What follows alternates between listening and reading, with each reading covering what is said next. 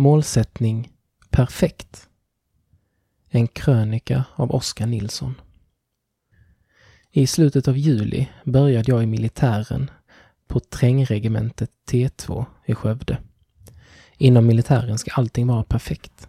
Man ska stå i spikraka led. Allas packning ska ligga på precis samma sätt på en rak linje. Städningen ska vara perfekt och sängen ska bäddas så att det ser ut som att där aldrig har legat någon.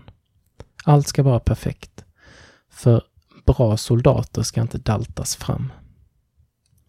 Det är inte bara i militären som man förväntas vara perfekt. Idag har vi ofta höga krav på oss själva. Vi vill inte se dåliga ut inför andra utan strävar alltid efter att bli bättre och nå högre resultat.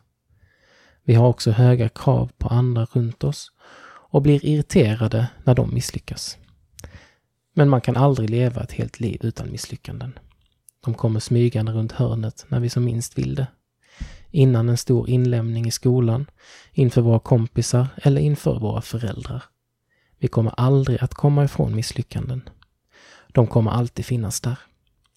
Frågan är vad vi gör när vi misslyckas. Lägger vi så stor vikt vid våra prestationer att vi börjar se ner på oss själva när vi inte når upp till våra mål? Det vill inte Gud att vi ska göra. Han vill istället att vi ska se på honom.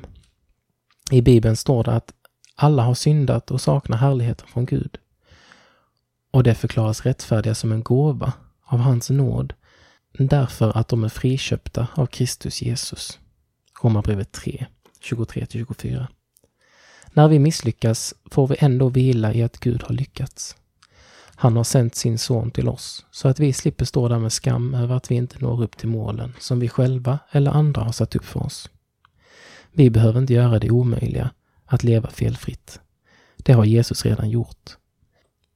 På så sätt blir vi befriade och kan leva i hans förlåtelse och kärlek istället. Amen på det.